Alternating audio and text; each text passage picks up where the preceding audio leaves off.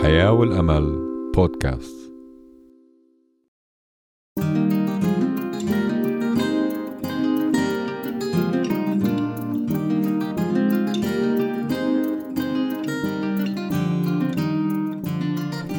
إذاعة صوت الحياة والأمل لحياة أفضل. AWR 360 هاتف زائد واحد اتنين أربعة صفر. تسعة صفر صفر تسعة تسعة تلاتة تسعة. بريد الإلكتروني hub at awr نقطة org.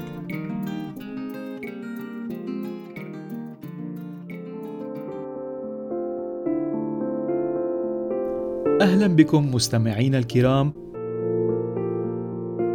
سنستمع اليوم إلى دينونة سفر الرؤيا النهائية في الجزء الثاني ضمن سلسلة رؤيا الرجاء. كما سنستمع إلى فقرة عن الصحة بعنوان الملح.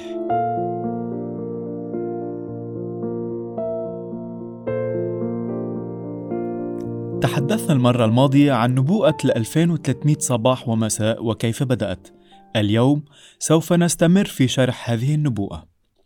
يحتوي سفر حسقيال المكتوب في نفس زمن سفر دانيال تقريبا على مفتاح للمساعدة في فتح معنى الفترة الزمنية حسقيال 4 6 فقد جعلت لك كل يوم عوضا عن سنة.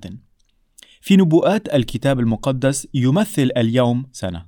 إذا في هذه النبوءة اليوم الرمزي النبوي يساوي سنة حرفية حسقيال 4 6 نبوءة دانيال 8 ال 2300 يوم نبوي تساوي 2300 سنة حرفية الآن النبوءة أكثر منطقية تصبح الصورة أكثر وضوحا إذا أعطانا الكتاب المقدس نقطة البداية لمدة 2300 سنة فيمكننا بسهولة حساب نقطة النهاية وبالتالي يمكننا في الواقع اكتشاف متى بدأت هذه الدينونة الكونية. هل يسوع اليوم موجود في ذلك قدس الأقداس في المقدس السماوي؟ هي دعوة ساعة الدينونة للالتزام، دعوة للاستسلام، دعوة للسماح للمسيح بتطهير قلوبنا من خلال دمه. هل يمكن أن نعيش في ذلك الوقت الفريد من تاريخ الأرض؟ لمعرفة الجواب نواصل دراسة سفر دانيال في الإصحاح التالي الإصحاح التاسع نجد شيئا رائعا نبوءة عن مجيء المسيح الأول في دانيال تسعة عاد الملاك جبرائيل ليعطي دانيال المزيد من المعلومات تنبأ بالتاريخ الدقيق لمعمودية المسيح. التاريخ الدقيق لصلب المسيح. التاريخ الدقيق الذي سيذهب فيه الإنجيل إلى الأمم حيث رفض القادة اليهود إنجيل المسيح. تساعدنا هذه النبوءة أيضا في العثور على تاريخ بدء نبوءة دانيال 8 التي تبلغ 2300 يوما. في دانيال 9 24 تقول سبعون أسبوعا قضيت على شعبك وعلى مدينتك المقدسة. ماذا كانت مدينة دانيال؟ أورشليم. أول سبعين أسبوعا من نبوءة ال 2300 يوما محددة لشعب دانيال اليهود. كتب العهد القديم باللغة العبرية. كلمة أخرى لكلمة قضيت هي الكلمة العبرية التي تعني بتر أو قطع. لذا فإن سبعين أسبوعا من هذه النبوءة في دانيال تسعة قد قطعت. قطعت من ماذا؟ من نبوءة ال 2300 يوم في دانيال 8 لذا فإن أول سبعين أسبوعا من ال 2300 يوما تنطبق على شعب دانيال كم يوما هناك في الأسبوع؟ سبعة حسنا بما أن هذه الأسابيع السبعين نبوية فكم عدد الأيام هذا؟ سبعين سبع مرات أو 490 يوما هذه الأيام الرمزية في النبوة هي في الواقع 490 سنة حقيقية وحرفية إذا كان يوم واحد يساوي سنة واحدة فإن هذه الفترة الزمنية تمثل 490 سنة مقطوعة من ل 2300 سنة. أول 490 سنة تتعلق خاصة بالمجيء الأول ليسوع. جاء يسوع إلى شعبه اليهود ودعاهم إلى قبوله كمسيحهم وأخذ الإنجيل إلى بقية العالم لكنهم لم يقبلوه. لذا فإن سنوات ال 490 الأولى من النبوة تدور حول يسوع واليهود. متى تبدأ هذه النبوءة؟ إذا كنا لا نعرف متى تبدأ، فليس لدينا طريقة لحساب متى تنتهي النبوءة هيا نكتشف يخبر الملاك دانيال متى تبدأ النبوة في دانيال 9:25 يقول فاعلم وافهم أنه من خروج الأمر لتجديد أورشليم الآن ما هو الحدث؟ الحدث هو أمر لفعل ماذا؟ ترميم وبناء أورشليم الآن اتبعني على كثب. في أيام دانيال دمرت أورشليم كانت خربة. هاجم الملك البابلي نبوخذ نصر أورشليم وأطاح بها. كان دانيال أحد الأسرى في بابل. فنزل الملاك جبرائيل وقال لدانيال هناك نبوءة مدتها 2300 سنة. الجزء الأول من هذه النبوءة هو 490 سنة وهي تنطبق على شعبك اليهود. ستعرف يا دانيال أن النبوءة بأكملها تبدأ بأمر لتجديد أورشليم وإعادة بنائها. سيكون هذا مهما جدا لدانيال نواصل مع الآية في دانيال 9:25 فاعلم وافهم أنه من خروج الأمر لتجديد أورشليم وبنائها إلى المسيح الرئيس سبعة أسابيع واثنان وستون أسبوعا. من هو المسيح الرئيس؟ يسوع. دانيال متحمس الآن. سبعة أسابيع واثنان وستون أسبوعا هي تسعة وستين أسبوعا. يتساءل هل تقول عندما أرى أن الأمر قد اجتاز عندما يكتب الملك هذا الأمر من ذلك الوقت حتى المسيح تسعة وستين أسبوعا نبويا يا جبرائيل؟ ويقول جبرائيل دانيال هذا بالضبط ما قلته. متى تبدأ هذه النبوءة؟ من الأمر لترميم وبناء أورشليم. متى صدر هذا المرسوم؟ وفقا لعزرة سبعة أصدر الملك أرتحشستا مرسوما عام 457 قبل الميلاد يمنح شعب إسرائيل هوية وطنية لذا فإن نبوءة 2300 يوم مقسمة إلى جزئين 490 سنة لليهود و1810 سنوات للأمم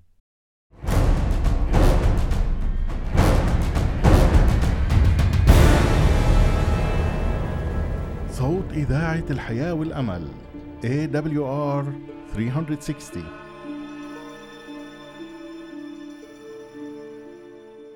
يبدأ الأمر بأمر بإعادة بناء أورشليم ويمكننا تأريخ ذلك المرسوم إلى 457 قبل الميلاد. يمكننا بعد ذلك البدء في تتبع هذه الفترة الزمنية التي تبلغ 490 عاما الأولى لأننا نعرف تاريخ البداية وتاريخ البداية هو متى؟ 457 قبل الميلاد عندما صدر المرسوم لترميم وبناء أورشليم. لكن هل يمكننا التأكد من أن هذا هو التاريخ الصحيح؟ ما أنا بصدد إظهاره لكم سيثبت بما لا يدع للشك مجالا أن هذا هو التاريخ الصحيح بالفعل. أخبر الملاك جبرائيل دانيال منذ بداية الأمر الذي كان متى؟ 457 قبل الميلاد حتى حتى المسيح الرئيس من هذا؟ يسوع المسيح يكون هناك سبعة أسابيع واثنان وستون أسبوعا ماذا تعني كلمة المسيح؟ كلمة المسيح تعني الممسوح هل مسح يسوع؟ متى؟ مسح يسوع في معموديته يقول سفر أعمال الرسل عشرة أنه عندما ذهب إلى الماء ليعتمد مسح بالروح القدس. لذلك من الوصية لترميم وبناء أورشليم سيكون 69 أسبوعا نبويا حتى معمودية يسوع. صدر المرسوم في الخريف. إذا تقدمت ب 69 أسبوعا نبويا أو 483 عاما حرفيا في الجدول الزمني للتاريخ من خريف 457 ينبغي أن يأخذك إلى معمودية المسيح إلى 27 ميلاديا بالضبط هل هذا هو الوقت عندما اعتمد المسيح؟ يساعدنا إنجيل لوقا في الحصول على تأكيد دقيق على أنه كان بالفعل في لوقا 3:21 يسجل معمودية يسوع في هذه الكلمات ولما اعتمد جميع الشعب اعتمد يسوع أيضا في أي سنة كانت هذه؟ لوقا 3 الآية 1 تقول لنا وفي السنة الخامسة عشرة من سلطنة تيباريوس قيصر كانت السنة الخامسة عشر من حكم تيباريوس في 27 ميلادية وهي السنة نفسها التي تنبأ فيها دانيال النبي بمعمودية يسوع هل يمكن أن يكون هناك أي شك في أن يسوع المسيح هو المسيا؟ تنبأ دانيال بالتاريخ الدقيق لمعموديته قبل ولادة يسوع. يخبرنا الكتاب المقدس: فاعلم وافهم. يقول الله: أعلم. يقول الله: افهم. الكتاب المقدس دقيق حسابيا. في دانيال 9:26 يقول: وبعد 62 أسبوعا يقطع المسيح. ماذا يعني أنه في وقت ما بعد معموديته سيقطع المسيح؟ سيصلب صحيح. متى سيصلب؟ يخبرك بالضبط. دانيال 9:27 تقول: ويثبت عهدا مع كثيرين في أسبوع واحد. هذا يبدو منطقيا. أخبرنا الملاك أنه كان هناك سبعين أسبوعا لشعب دانيال. 69 أسبوعا قادتنا إلى 27 ميلادية. يتبقى أسبوع واحد. هكذا تقول. سيثبت العهد مع كثيرين في أسبوع واحد. انظر إلى هذا. إنه أمر لا يصدق. ويثبت عهدا مع كثيرين في أسبوع واحد وفي وسط الأسبوع يبطل الذبيحة والتقدمة لن يتم تقديم ذبيحة خروف مرة أخرى أبدا لأن المسيح سينهي الذبيحة والتقدمات في الهيكل الأرضي عندما قدم هو حمل الله على الصليب. شكرا للرب، حدث ذلك بالضبط في الوقت المحدد. صدر المرسوم في خريف عام 457 وأخذنا 483 عاما إلى خريف عام 27 ميلادية. منتصف الأسبوع النبوي هو ثلاثة ونصف أيام نبوية أو ثلاث سنوات ونصف حرفية. من البداية المقترحة للأسبوع السبعين في خريف عام 27 ميلادية تمضي ثلاث سنوات وستة أشهر. يأخذنا هذا إلى ربيع 31 بعد الميلاد. على وجه التحديد في عيد الفصح عندما صلب المسيح. يساعدنا فهم عمل المسيح ورسالته على فهم أفضل لمدى ملائمة هذه التواريخ. في دانيال 9 يتحدث عن يسوع المسيح مسيحنا ويثبت عهدا مع كثيرين في أسبوع واحد. دانيال 9 27 يحتار البعض عمن تتحدث هذه الآية والبعض يعتقد أنها تنطبق على ضد المسيح هم يستنتجون أن ضد المسيح يجب أن يقطع عهدا مع اليهود وأن يتسبب في إعادة بناء هيكل اليهود لوقف تضحياتهم. لا يقول الكتاب المقدس أبدا أن ضد المسيح يقطع عهدا مع أي شخص، لكن الكتاب المقدس يسجل أن يسوع قال في متى 26 الآية 28 أن هذا هو دمي الذي للعهد الجديد الذي يسفك من أجل كثيرين لمغفرة الخطايا. يسوع المسيح هو رب العهد. يؤكد يسوع هذا العهد بدمه المسفوك يصادق على ذلك العهد على الصليب أليس الأمر مثل أن يأخذ الشيطان نبوءة ثمينة تتحدث عن دم يسوع المطهر ويشوهها ويحاول جعلها تنطبق على نفسه؟ ولكن إذا فهمنا عمل المسيح ورسالته فإننا مقتنعون بأن نبوة اليوم سنة تبدأ من سنة 457 قبل الميلاد تأخذنا إلى 31 ميلادي وهذا يظهر أنه تم صلب المسيح في الوقت المحدد بالضبط. هذه النبوءة في سفر دانيال مدهشة للغاية. المسيح هو المسيا. لقد تم صلبه في الوقت المحدد بالضبط. لهذا تقول غلاطي أربع أربعة ولكن لما جاء ملء الزمان أرسل الله ابنه وقال يسوع في مرقس واحد خمسة قد كمل الزمان تقول رومي خمسة ستة لأن المسيح مات في الوقت المعين لأجل الفجار. أكد يسوع العهد الذي قطعه منذ بداية الزمان بدمه. يرفع رئيس الكهنة سكينه ليذبح الخروف. ترتجف السكين في يده. في تلك اللحظة تتمزق ستارة الهيكل من أعلى إلى أسفل. لن ننظر مرة أخرى إلى هيكل أرضي. مات يسوع المسيح على الصليب. يسوع المسيح سفك دمه. لن يعترف الله ابدا بدماء الثيران والماعز على أنها ذات قيمة اعتمد المسيح في الوقت المحدد إنه المسيح صلب المسيح في الوقت المحدد إنه المسيح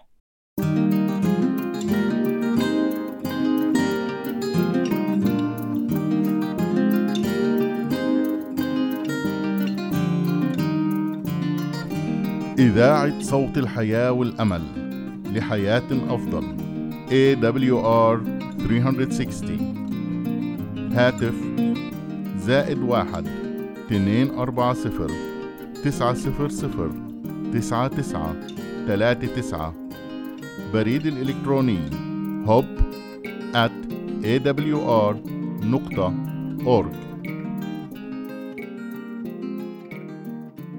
سيموت المسيح وسيقوم وسيصعد كرئيس كهنتنا. لسنا بحاجة للنظر الآن إلى هيكل أرضي لأن يسوع في الهيكل السماوي. ممكن أن تقول آمين؟ المسيح في هيكل في السماء المجد لله. عيوننا لا تتجه نحو أورشليم. تتجه أعيننا إلى الصراع الكوني بين الخير والشر. الصراع العظيم بين الله والشيطان. صلب يسوع في عام 31 ميلادي في الربيع تماما كما قال الكتاب المقدس لكنه ما زال لا يرفض تلك الأمة. لمدة ثلاث سنوات ونصف أخرى يمد يده بالرحمة ويمد يده في المحبة. يسوع لا يدير ظهره لنا عندما ندير ظهرنا له. لا يتركنا يسوع عندما نتخلى نحن عنه.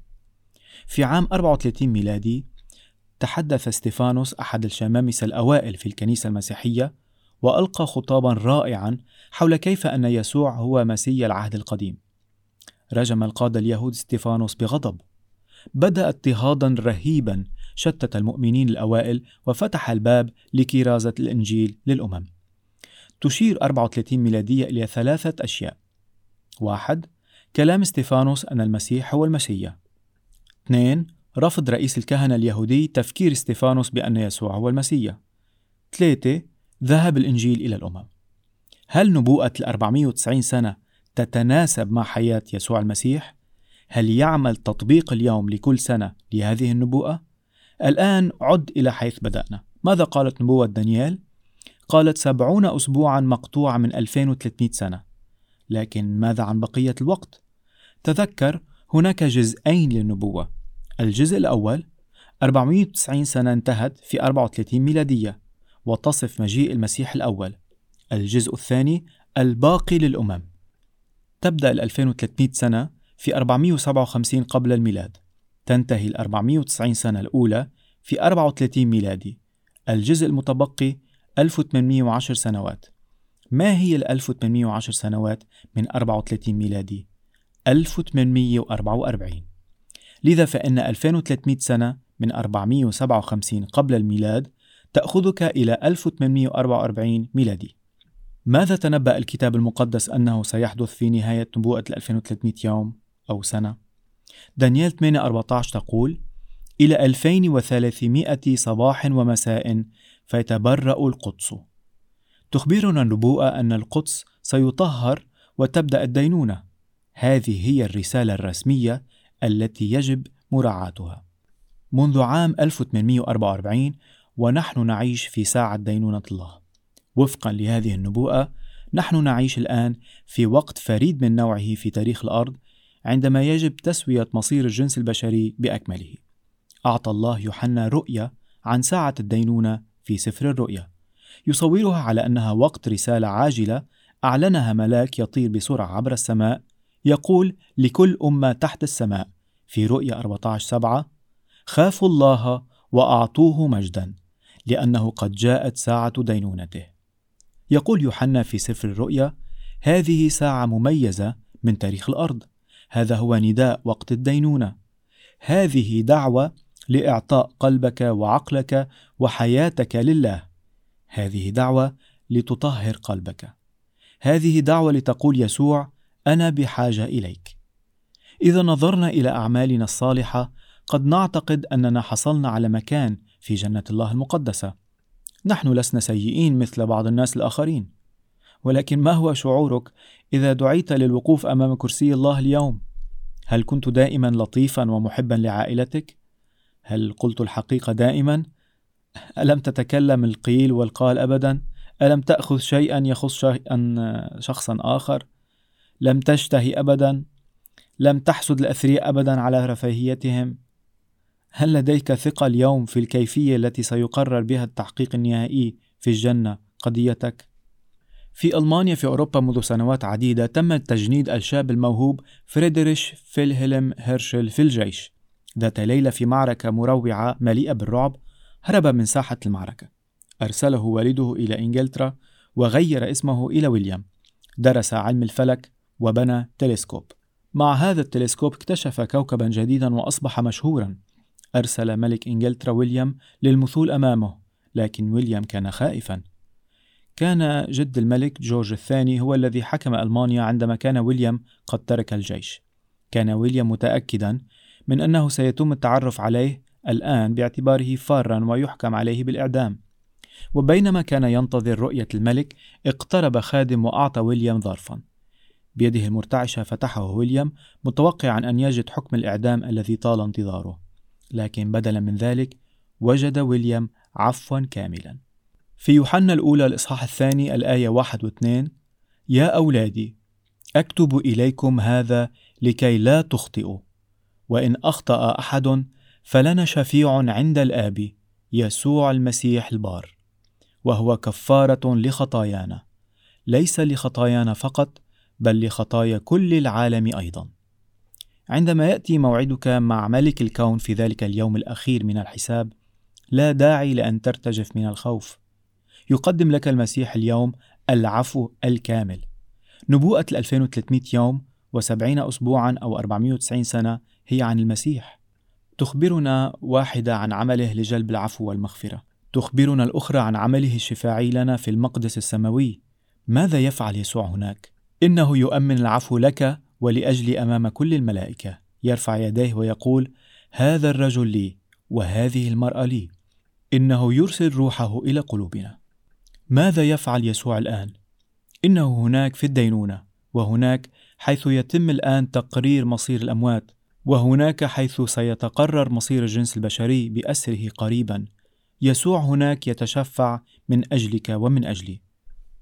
هو رئيس إيماننا. الذي بدأ فيك عملا صالحا ولكنه أيضا مكمل إيماننا. إنه يشفع من أجلك.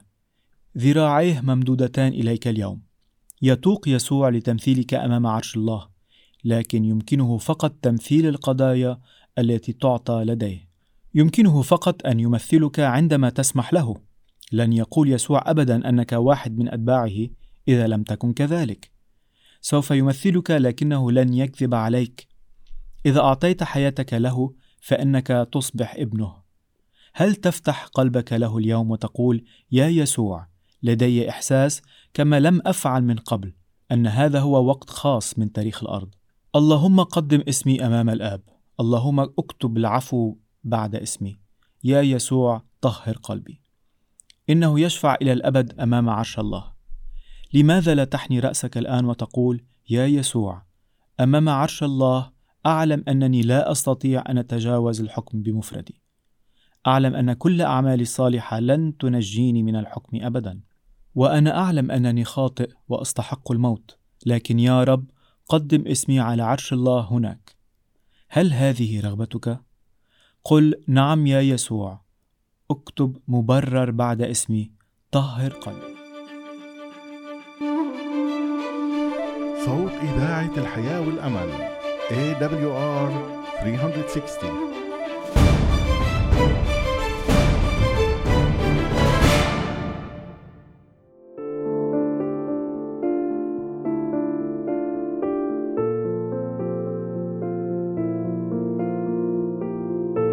من المثير للاهتمام أن ندرك العلاقة بيننا نحن البشر بالملح.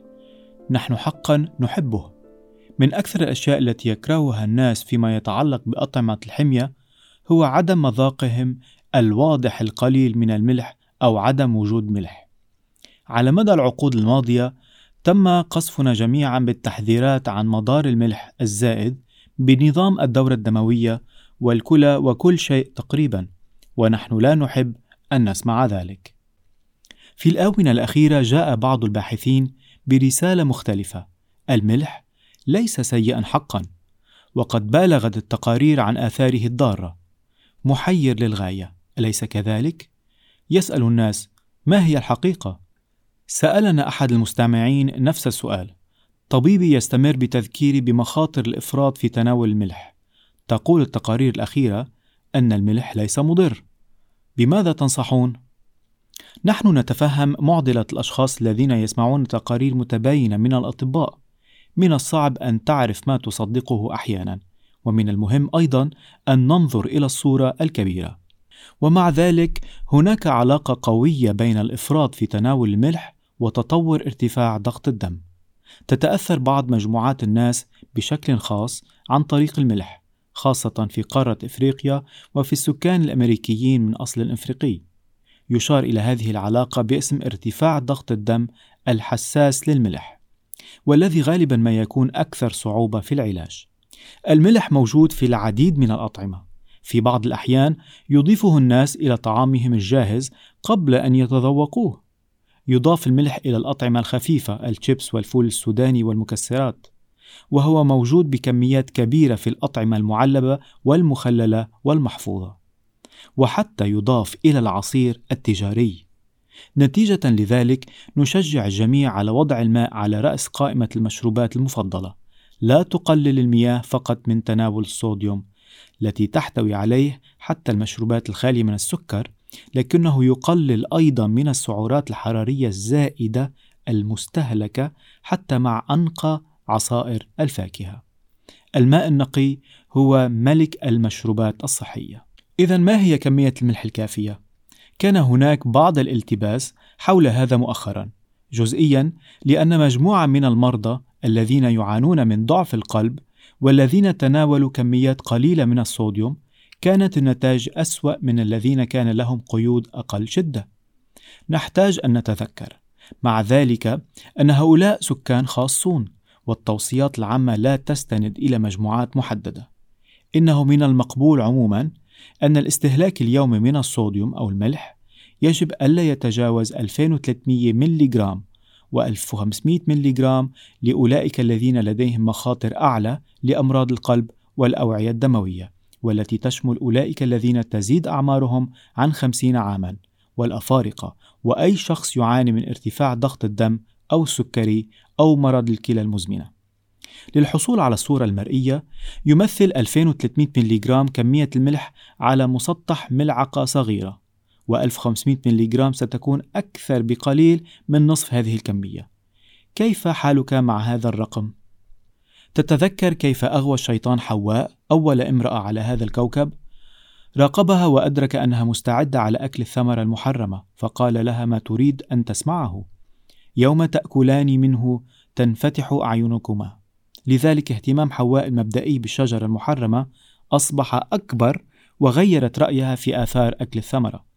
فرأت المرأة أن الشجرة جيدة للأكل وأنها بهجة للعيون وأن الشجرة شهية للنظر فأخذت من ثمرها وأكلت وأعطت رجلها أيضا معها فأكل. تكوين 3 4 5 دعونا نبحث عن ما هو حقيقي وآمن. وليس ما هو مناسب. هذا كل ما لدينا لهذه الحلقة. نتمنى أن تكون قد نالت إعجابكم. ونشكر حسن المتابعة. سنستمع غدا إلى المواضيع التالية. البدع ضمن سلسلة رؤيا الرجاء. وفقرة عن الصحة بعنوان هشاشة العظام. انتظرونا في الحلقة القادمة. الرب يبارككم.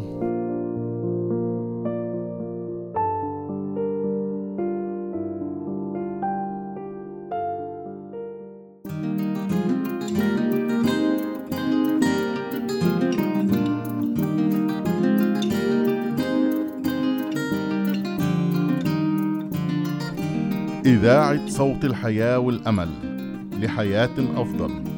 AWR 360 هاتف زائد واحد اثنين أربعة صفر تسعة صفر صفر تسعة تسعة ثلاثة تسعة.